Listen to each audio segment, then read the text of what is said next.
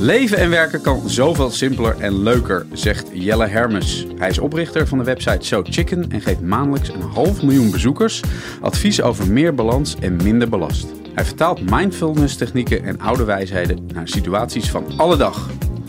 Mijn naam is Jan Meijroos. En ik ben Maaike Bos. Leuk dat je luistert naar Work in Progress, de podcast van Intermediair over werk, carrière, work-life balance en persoonlijke groei.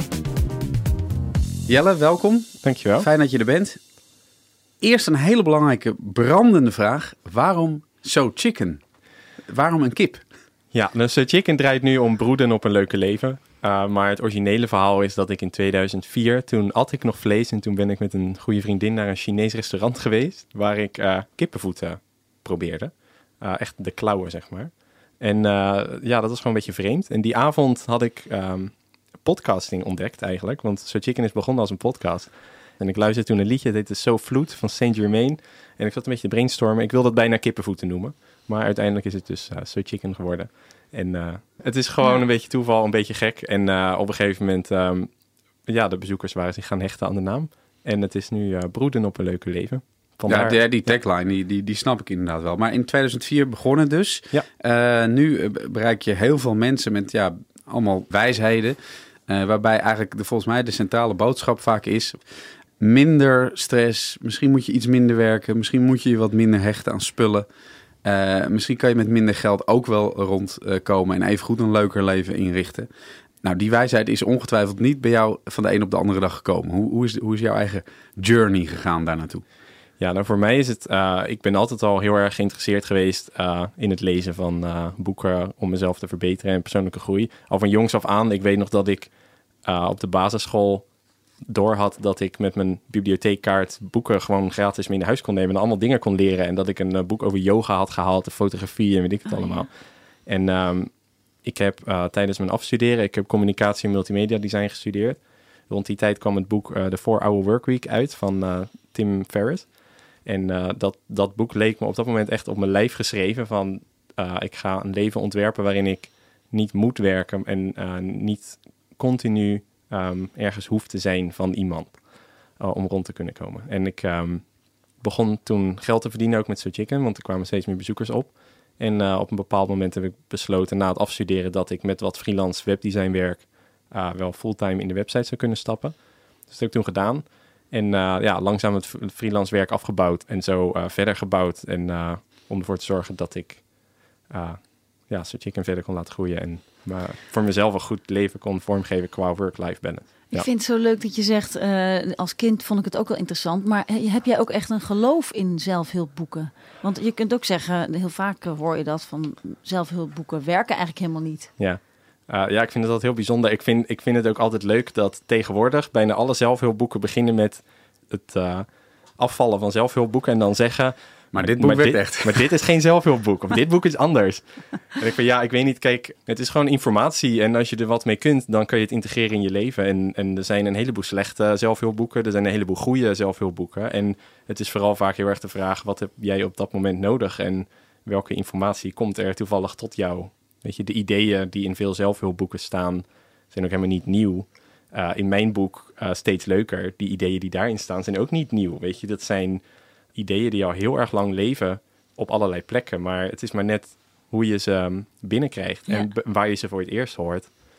En uh, ja, hoe je ze kunt toepassen in je leven. Ja, ik heb even al jouw succes op een rijtje gezet. Inderdaad, een half miljoen bezoekers. Je hebt een wekelijkse nieuwsbrief naar 140.000 mensen. Iedereen wil toch wel wat van jou krijgen elke week. Ja. Um, je boek werd het beste spirituele boek van 2018 genoemd.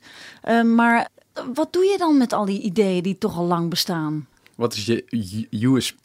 Ja, je nou, recept, ja. je eierrecept. nou, ik zou zeggen, mijn talent is ingewikkelde dingen simpel maken. En ik ben zelf continu bezig met mijn eigen leven leuker maken. En de dingen die ik leer, de lessen die ik zelf opdoe, ja, die geef ik graag zo simpel mogelijk door. En omdat ik al zo lang met So Chicken bezig ben, ben ik ook continu op zoek naar kleine wijsheden en dingetjes waarvan ik denk, oh, dat is echt dat moeten mensen eigenlijk weten. En dan ga ik gewoon onderzoeken hoe ik dat zo simpel mogelijk en zo leuk mogelijk en praktisch mogelijk kan maken. Zodat je er meteen mee aan de slag kan.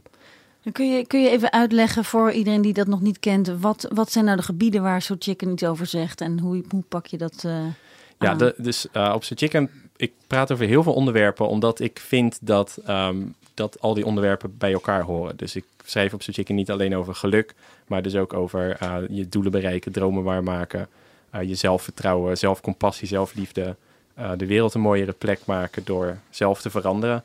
Um, hoe je beter in je relaties kan staan, hoe je succesvoller kunt zijn op je werk. Uh, maar bijvoorbeeld ook hoe je gezonder kunt eten, hoe je makkelijker kunt sporten, hoe je gewoontes kunt veranderen. Het zijn heel veel verschillende gebieden, maar over het algemeen liggen dezelfde um, basisprincipes eronder. Maar noem eens een paar van die principes dan. Wat is nou inderdaad, waar kun je nou op leunen als je in al die gebieden van je leven ergens gestrest over bent of moeite ja. mee hebt? Nou ja, kijk, dus, dus in ieder gebied kun je een heleboel specifieke dingen zeggen, maar een heel fundamenteel basisprincipe wat, wat je onder alle artikelen en onder het boek ziet, is uh, dat minder complexiteit maakt over het algemeen alles makkelijker en leuker. Uh, dus door, door de ellende uit je leven te gooien, de overbodige dingen, uh, de dingen die je niet direct helpen te bereiken wat je eigenlijk wil bereiken, um, daardoor maak je alles een stuk eenvoudiger. Je kan dat zo zien dat um, als je bijvoorbeeld een bijvoorbeeld een, een, een uh, normale benzineauto, die heeft heel erg veel onderdelen. En uh, heel veel verschillende buisjes en, en, pompjes en allemaal apparaten. Als je onder die klep kijkt, dan denk je, ik weet je, ik heb geen idee wat hier allemaal gebeurt, maar het ziet er heel ingewikkeld uit. Herkenbaar. Uh, herkenbaar. en die gaan dus ook regelmatig kapot en die hebben relatief veel onderhoud. En um, hoe ingewikkelder het systeem is, des te sneller dingen kapot kunnen gaan. En dat uh, zie je dus bijvoorbeeld de elektrische auto, die gaan veel minder snel kapot. Want dat is, daar zit niks. Dit is een batterij met een paar motors en dat is het.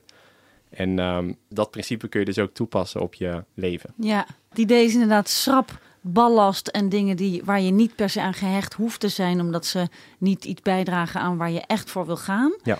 Maar kies ook goed waar je echt voor wil gaan. En dat is natuurlijk zo lastig, want ergens heb ik ook het idee. In je boek heet uh, Steeds Leuker en uh, je hebt uh, filmpjes over hoe je je hele leven kunt verbeteren. Ja. Ik bedoel, je maakt het allemaal wel heel simpel. Is het nou zo simpel? Nou, laat zeggen. Problemen bestaan toch ook gewoon? Nou ja, kijk, het, ja. Um, maar de vraag is vervolgens. Um, kijk, ik ben altijd heel erg bezig met, weet je, probeer uit je slachtofferrol te stappen. En niet te zeggen van, oh, uh, dingen overkomen mij en nu zit ik met dit probleem en wat een ellende en wat ben ik zielig en ik heb nu een reep chocola nodig om de avond door te komen. Uh, de vraag is heel simpel, weet je, de, de wereld staat er nu voor zoals het is. Mijn leven is nu zoals het is. Dat is niet per se goed of slecht. Dat heeft zijn eigen voor- en nadelen waar wil ik eigenlijk naartoe? Ik zou me, weet je wel, meer ontspannen willen voelen. Ik zou me meer vrij willen voelen. Wat is dan een kleine stap die ik nu kan zetten om, om naar die realiteit toe te bewegen? En als die stap voorbij is, dan kan je jezelf die vraag opnieuw stellen en opnieuw stellen.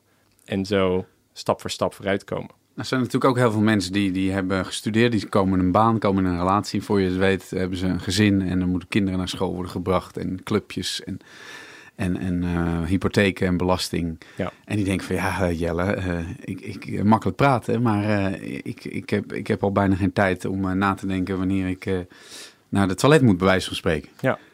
Wat, wat zeg je tegen die mensen? Nou ja, ik zou zeggen, vraag jezelf af wat voor leven je zou willen hebben. Probeer een soort van te kijken van wat is nou eigenlijk mijn ideale leven? Wat probeer ik te bouwen? En vraag jezelf vervolgens af wat is een kleine stap die je nu zou kunnen zetten of die je morgen zou kunnen zetten. Weet je, een stom voorbeeld. En dat is waarom in het boek um, begin ik met uh, vrijheid, met schrap de ellende. Is een van de kleine dingen die je kunt gaan doen, is dus je leefomgeving eenvoudiger maken, zodat er minder um, afleiding om je heen is. Dus minder overbodige spullen, minder... Gewoon letterlijk, letterlijk spullen wegdoen, kleiner wonen. Ja, klei, nou, kleiner wonen is natuurlijk een grote stap, maar ja. het is... Heel veel mensen denken dat ze van alles moeten en verliezen het perspectief dat als ze nou eens niet zo gehecht zouden zijn aan die hele hoge hypotheek en aan die twee auto's voor de deur en alle clubs en alle verenigingen en alle abonnementen en ze zouden weet je, die uitgaven stap voor stap elimineren, dan is er ineens heel veel ruimte om, om te bewegen op andere manieren. Dan kan je ineens zeggen van, oh, ik verdien in die baan die ik eigenlijk leuker vind, 500 euro minder. Maar ik heb zoveel overbodige ellende uit mijn leven geschrapt dat ik gewoon de ruimte heb om dat te doen. Dus ik ga dat gewoon doen, want dan is mijn leven beter. En dan verdien ik minder. En, maar ik heb nu ook minder uitgaven, dus dat kan dan ineens. Nou heb jij, eh, ben jij eigenlijk feitelijk ondernemer. Hè? Je, je hebt So Chicken, jouw vriend heeft ook een eigen, eigen website. Als eigen ondernemer ben je natuurlijk ook wel wat vrijer om, om keuzes te maken en je eigen tijd in te delen dan als je gewoon in loondienst bent bij een bedrijf, Ja. toch? Zeker, ja. En, eh, en daar komen hun eigen voor- en nadelen natuurlijk mee. Ehm, er zijn natuurlijk ook heel veel ZZP'ers die, o- zeg maar, zogezegd omkomen in het werk. Omdat ze het gevoel hebben dat ze elke klus aan moeten nemen. Want het Omdat- kan, want voor je het weet is je je laatste klus of ja. Ja, eh, of dat je het gevoel hebt van ja, ik kan nu wel nee zeggen, maar dan weet je wel, dan gaat die klant me niet meer bellen. En eh, dus dan neem ik nog maar wat extra klus, ook al heb ik eigenlijk al te veel werk.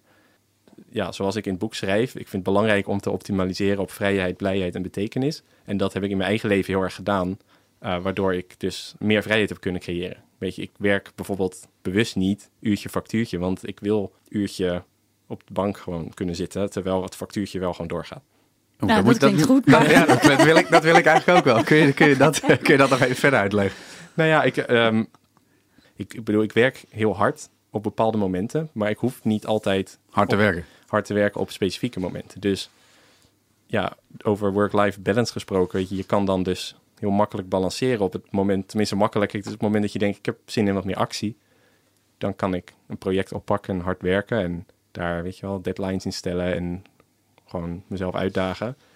En als ik denk van, dit gaat me een beetje te veel worden, dan kan ik zeggen, ik ga nu een maand op reis of ik ga nu ehm, wat minder werken. Ja, want voordat we deze podcast begonnen vertelde je dat je eh, recent twee maanden naar India bent geweest. Ja. Gaat So Chicken dan gewoon door? Heb je personeel in dienst? Hoe werkt dat dan? Ik bedoel, Nou, ik heb een, eh, een virtual assistant die me ondersteunt vanuit eh, Jakarta. Het is een goede vriend van me, die is geëmigreerd naar Jakarta en die, die, die helpt me daarbij.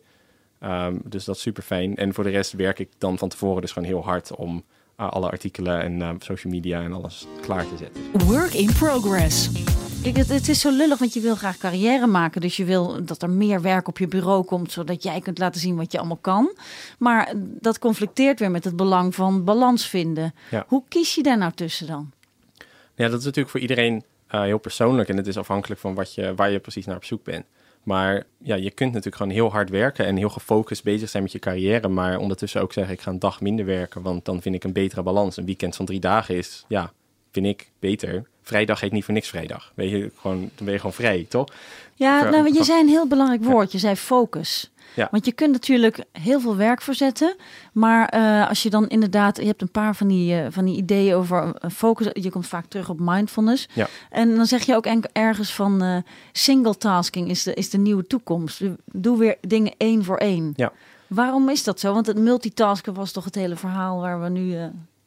Ja, vooral eh, vrouwen zijn er altijd heel trots op dat ze er heel goed in zijn. Eh, en eh, ja, multitasking, het is- nieuwe onderzoeken blijkt voornamelijk dat we niet zo heel erg goed zijn in multitasking, maar dat we fast task switching doen. Dus je, je wisselt gewoon heel snel van taken. Maar iedere keer als je wisselt van een taak, dan kost dat bepaalde energie, heb je een bepaalde overhead.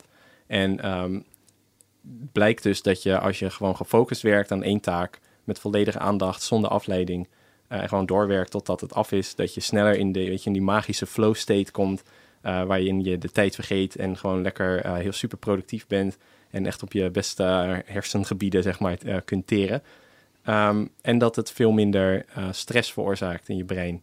Waardoor je dus met een veel uitgeruster gevoel eigenlijk van je bureau wegkomt. Ja. ja, dat klinkt fantastisch. Nou moet ik zelf zeggen, als ik wel eens een stuk moet schrijven of zo, dan eh, ben ik daar gefocust op. Maar op een gegeven moment weet ik even niet hoe ik een zin moet laten lopen. En Dan ga ik expres afleiding zoeken. Ja. ja. Of even online shoppen. Of even, en dan wil ik die afleiding. Ja, want Want, dat- want hoe hou je dat dan echt vol, dat gefocust werken? Nou ja, kijk, een, een idee, er bestaat bijvoorbeeld de Pomodoro-techniek. Dus het idee dat je dus een timer zet van 25 minuten en dan werk je dus 25 minuten met volledige focus en dan daarna neem je 5 minuten pauze en dan doe je daarna weer hetzelfde.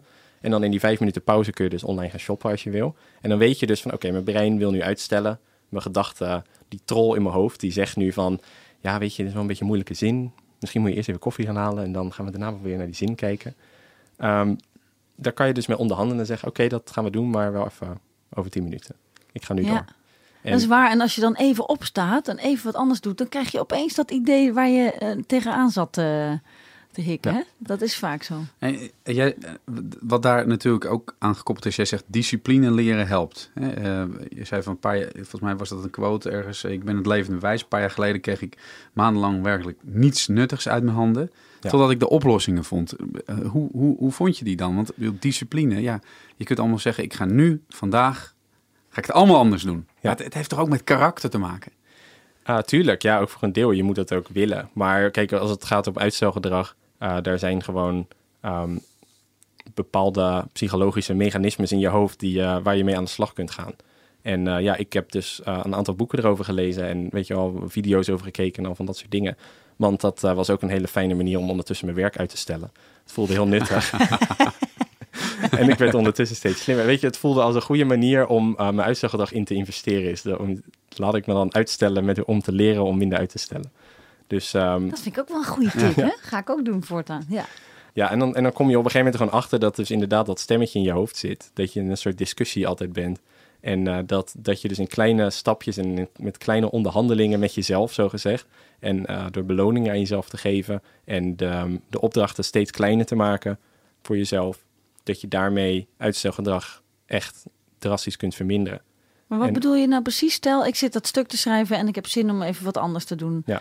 Hoe zit het dan met een beloning en een steeds kleiner stapje? Bijvoorbeeld door dus te zetten, zeggen ik zet een timer, ik werk zo lang en dit is iets wat ik vol kan houden. Weet je, 20 minuten, 25 minuten, dat kan niet. En dan kun je dus onderhandelen met dat stemmetje en zeggen van we gaan straks koffie halen of we gaan straks uh, iets leuks doen. Of als ik deze taak vandaag afmaak, dan ga ik vanavond met een vriendin naar de film of dat soort dingetjes. Die, um, die werken gewoon echt heel goed. En een ander ding is, um, weet je, de oorzaak van die angst gaan wegnemen. En dat heeft heel vaak te maken met dat mensen gewoon veel te ingewikkelde taken voor zichzelf stellen. Die gewoon heel groot en overweldigend zijn. En als je die kleiner maakt voor jezelf en, en heel concreet en praktisch, dan uh, weet je, het leven is gewoon een serie van activiteiten. Weet je, en het is een evenement uh, organiseren. Dat bestaat gewoon uit, ik pak de telefoon op, ik tik een nummer in, ik voer een gesprek, ik hang de telefoon weer op, ik, ik iets af. Weet je, en, en dan ga je iets anders doen. En ja, je hebt wel gelijk. En je zegt ook, breng er eens wat humor in. Uh, neem jezelf niet zo serieus. Want stel je voor dat je uh, tijdens zo'n het schrijven van een stuk uh, op een zin blijft hangen. Ja. Wat er dan in de achtergrond meedraait. Ik moet een topstuk schrijven waardoor mijn carrière een grote vlucht neemt. En het moet allemaal nu gebeuren. En, en waarom kan ik dit nou niet? Al, al die bijgedachten, ja. ja. Waarom, waarom, ik ben blijkbaar niet goed genoeg. Want anders zou ik dit nu wel gewoon kunnen. Ja, en van dat soort dingen.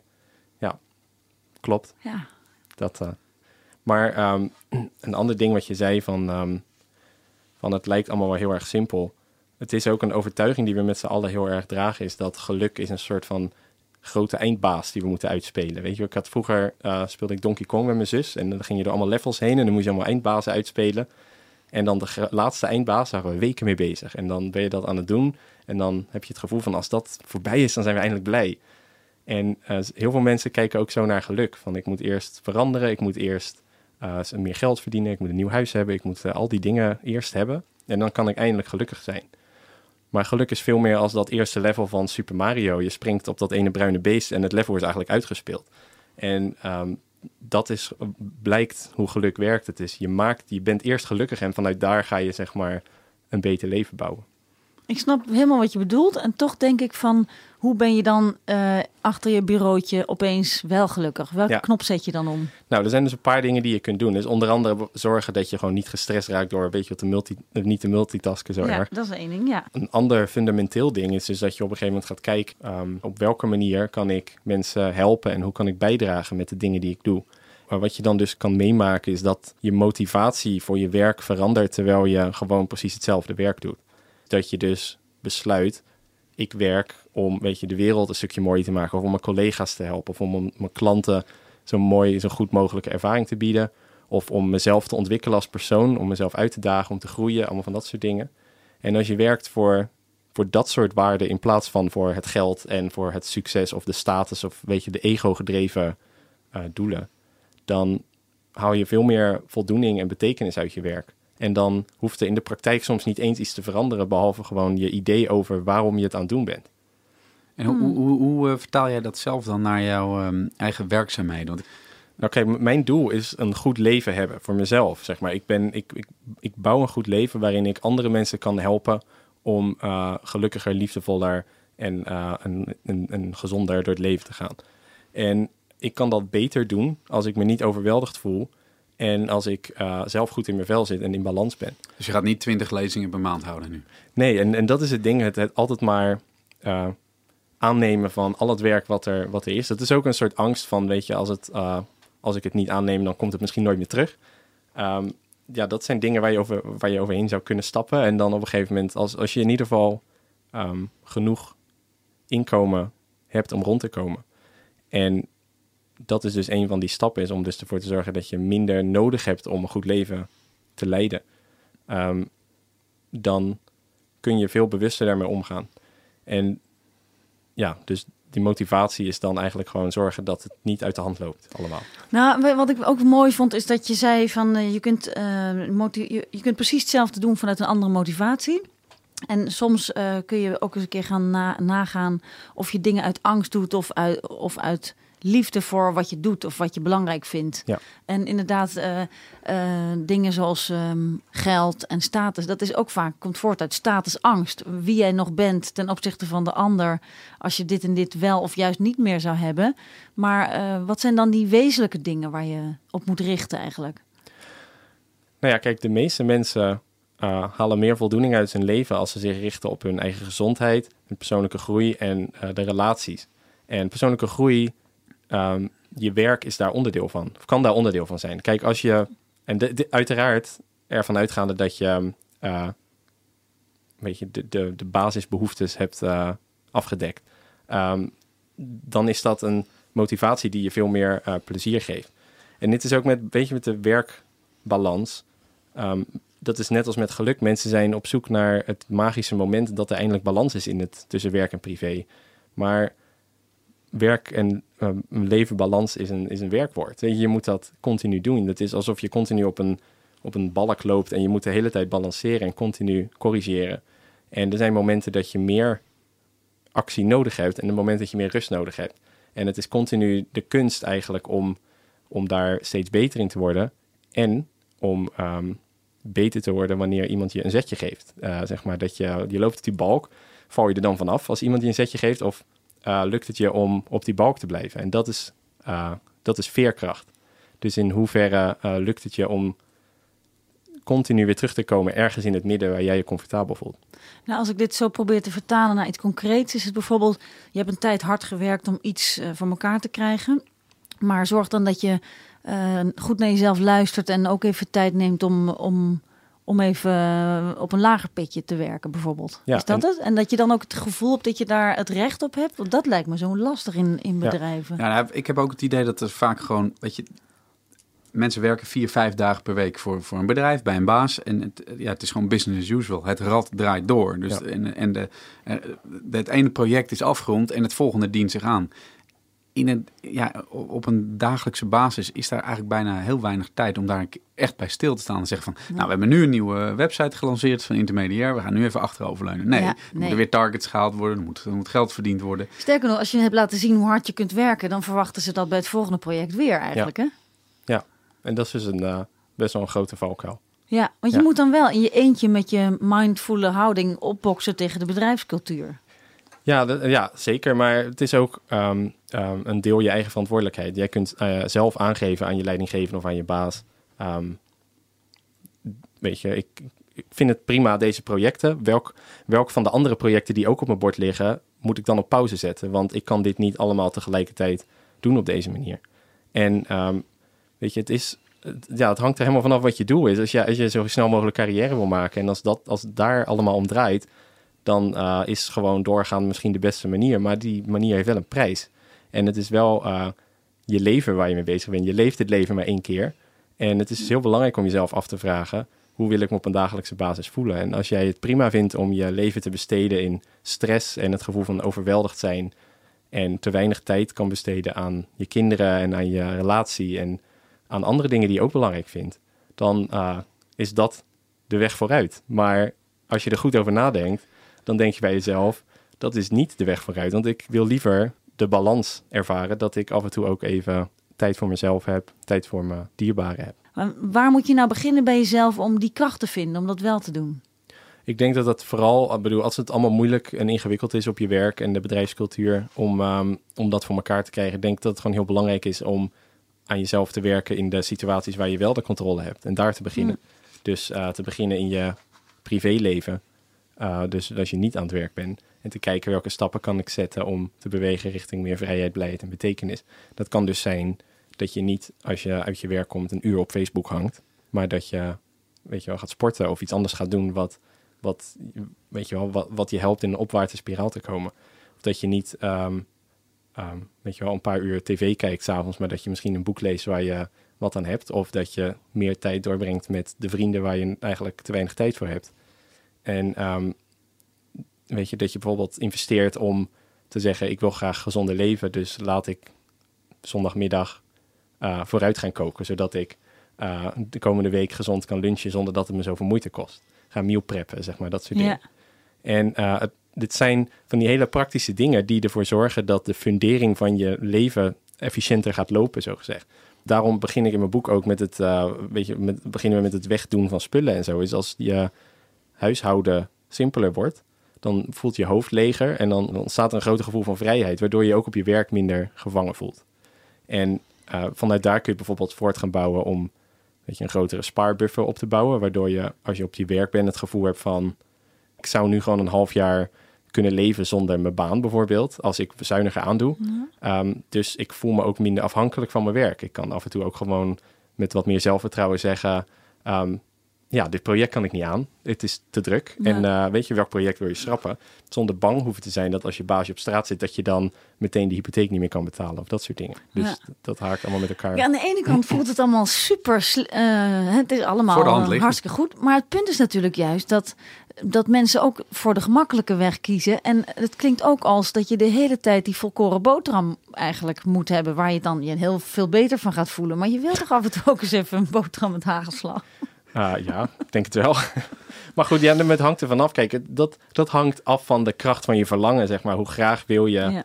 uh, vooruit en hoe graag wil je uh, die balans uh, beter maken voor jezelf. En dat is natuurlijk je intrinsieke motivatie. Maar dat kan ook zijn dat je dat niet zozeer voor jezelf doet, maar dat je bijvoorbeeld de, het gevoel hebt van ik wil een beter voorbeeld geven voor mijn kinderen. Of ik wil meer tijd met mijn kinderen door kunnen brengen. Dus daarom ga ik nu aan mezelf werken, zodat ik dat kan betekenen voor mijn kinderen. Dus dan kan je ja. toch extern maken, de motivatie. Ja, dat is inderdaad of tenminste, dan, is het, ja. ja, dan doe je het niet alleen maar voor jezelf. Work in progress. Je stelt voor om in ieder geval heel veel checklists te maken en vooruit te plannen dat, lijkt, dat, kan ook niet iedereen, toch? Ik bedoel, uh, ik, volgens mij doe je, doe je inderdaad uh, je, je e-mailbox le leeg, uh, verjaardagscadeaus vooruit plannen en kopen. Het, het, het klinkt alsof jij super georganiseerd en super gestructureerd bent. Ik ben zelf dat wat minder. ik vind mezelf ook best wel chaotisch hoor. Maar, ja? maar doe je, doe, doe, doe, heb je dat jezelf aangeleerd? Of is dat gewoon puur echt lijstjes uitprinten op, op een heel groot formaat en door het huis plakken? Om, om voortdurend eraan te herinnerd worden dat je die checklist moet bijwerken? Nou oké, okay, ik heb... Um, checklists zijn gewoon een gereedschap. Ik heb ze in het verleden veel meer gebruikt. En, en tegenwoordig ben ik juist meer aan het experimenteren met dat alles wat vloeiender gaat, zo gezegd. Maar op de momenten dat ik ze echt nodig had, um, uh, hielpen ze me heel erg juist om minder chaotisch te zijn in mijn hoofd. Omdat je denkt één keer goed na over een proces in je leven en dat, dat leg je vast in een checklist. En de volgende keer pak je gewoon die checklist erbij en hoef je alleen nog maar te doen wat erop staat. Dus ik had bijvoorbeeld, en die gebruik ik nog steeds, als ondernemer moet je de btw-aangifte doen en dan moeten er allemaal dingen bij elkaar worden geraapt, allemaal facturen en bonnen en weet ik het allemaal. En daar heb ik op een gegeven moment een checklist van gemaakt en toen ging de tijd die ik bezig was met de btw-aangifte doen, ging van een hele middag naar 45 minuten. En dat was echt een enorme upgrade in mijn levenskwaliteit, omdat ik had zo'n hekel aan die, die aangifte doen, zeg maar. En dat is wat um, checklists kunnen doen. En wat, en, ik, ik vind administratie dus echt tergend. Ja. ja en maar, waarom is dat? En ik bedoel, ik besteed dat dus grotendeels uit. Maar er zijn een aantal dingen die ik gewoon echt zelf moet doen. Zoals op, opstellen van een factuur of zo. Ja. Maar sommige, ik heb echt, ik loop echt echt, soms, echt maanden soms achter. Dat ik gewoon er maar niet toekom. Omdat ik denk van ja, ik ben nu bezig met dit werk. En dat moet eerst af. En ja, dat, dat ik ook nog geld van iemand krijg. Ja, dat is nu even wat minder belangrijk. Want Ja. ik moet even eerst dit afmaken voor die persoon. Ja. Ja, Wat, en- wat moet ik doen? Help. Maar je kunt dus bijvoorbeeld zeggen uh, van oké, ik vind dit vervelend. Dus observeren waarom je dat nou precies vervelend vindt. Of met jezelf afspreken. Ik zet een timer van 10 minuten en ik ga gewoon 10 minuten lang ga ik deze taak doen. En als de timer afloopt, mag ik ook stoppen van mezelf. Dus dan zie ik, ik zie nu zo'n kantoortuin voor met iedereen met verschillende kookwekkers. En, Ja? Ja, maar ik voel echt een zucht in mijn lijf. Want ik denk dan, belastingaangifte, daar ben ik drie dagen mee bezig. En daarom begin ik er niet aan. Ja. Maar als ik nou gewoon elke dag daar tien minuten mee zit, Ja, en- dan en- begin ik er wel aan. Ja, en, en als je eenmaal eraan bent begonnen, dan, dan ga je het ook gewoon afmaken vaak. Dat is wat er gebeurt. Dan, dan ben je over die drempel heen. Dan denk je, oh ja, ben, ik ben nu toch al bezig. Dan maak ik dit weer even af. Zo erg is het eigenlijk helemaal niet. Dat had ik vroeger al eh, met huiswerk. Dan zat ik daar weken dat ik dat voor me uit te schuiven. Ja. En dan, eh, als ik er helemaal mee bezig was, dan dacht ik zelf soms... Wauw, dit is eigenlijk gewoon leuk om te doen. Ja. Waarom ben ik niet eerder begonnen? ja, dat denk ik heel vaak. Waarom ben ik niet hier? Ja, ja. Ja, ehm, en wat plannen, eh, dat is gewoon even... Ik bedoel, mensen maken dat ook heel ingewikkeld. Het is gewoon even naar je agenda kijken en zeggen... Oké, dit is nog leeg. Dit wil ik eigenlijk leeg houden. Dus laat ik dan inplannen iets leuks wat je zou willen doen... of waar je behoefte aan hebt. Dat je daar van tevoren al ruimte voor maakt. Zodat je ook oprecht kunt zeggen... als er iets langskomt wat je, waar je het gevoel hebt dat het ook moet... dat je kan zeggen, nee, ik kan dan niet. Want ik heb dan al een afspraak staan. Of dat past gewoon niet in de planning. Want dat is het ook vaak. Op, op werk zie ik ook heel vaak allemaal mensen om me heen. Die hebben dan een, eh, allemaal to-do-lijstjes. En die werken ze dan af. Maar er komen altijd dingen tussendoor. Altijd collega's die aan het bureau komen staan met... oh, dit nog. Of even een meetingje snel. Of, het is nooit zo dat je netjes zo'n to-do-lijstje kan afwerken. Het wordt in, de, in het echte leven... Ja. tegenover het papieren eh, eh, voornemen... Ja. Komt, zijn er altijd onvoorziene dingen. Ja, en dat is, weet je, dan gewoon lekker flexibel blijven en zeggen: Oké, het leven gooit dit nu naar me toe.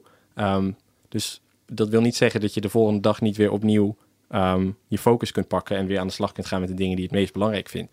En het is natuurlijk belangrijk om te leren om nee te zeggen. En te zeggen: Sorry, Nu dat kan ik nu niet." niet doen. Ja, nu even niet. Nou, ik las dat jij standaard nee zegt, tenzij je door de check heen eh, denkt dus- van, nou, dit is echt iets wat, wat iets toevoegt aan mijn leven. Ja, het Dus is, we, we mogen blij zijn dat je hier bent eigenlijk. Ja, ja, ik vind het heel leuk om hier te zijn. Dus, eh, nee, maar, ehm, ja, maar dat is ook gewoon belangrijk, eh, denk ik, voor iedereen. Is om ehm, de krenten uit de pap te halen, zo gezegd. Om te Maar je kijken. hebt zo vaak van die dilemma's. Bijvoorbeeld, ik heb de laatste weken is het zo'n zomerachtige periode geweest. Iedereen wil opeens een verjaardagsfeestje vieren. En allemaal in het park, allemaal gezellig met drank en, en vlaggetjes en tafeltjes. En Vlaggetjes de kinderen ook. voetballen. Dus dan denk je, yes. Maar als je al drie weekenden lang twee, weet je, twee feestjes per weekend hebt en je weet van elke dag al wat er gaat komen. Ik word daar, ja, ik word daar een beetje gestrest van. Ja, En dan- ik zeg ja, omdat we natuurlijk onze Socia- relaties moeten onderhouden. Sociale wenselijk gedag. Ja. Ja. maar hoe, ik bedoel, om daar dan nee tegen te zeggen, het is toch relaxen in het park. Nou, dat zijn van Ja. die dilemma's. zeker. Ja, en, en daar moet je voor jezelf gaan bewaren van... oké, wat, wat is voor mij dan eh, goed? En, en heel veel mensen zullen dan gewoon ja zeggen... en gewoon zeggen, tanden op elkaar, ik ga het maar gewoon doen. Ehm, Ja, logisch. Zo doe ik dat.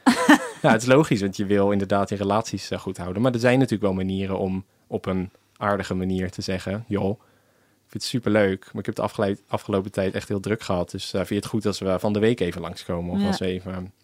Of gewoon zeggen, ik kan niet.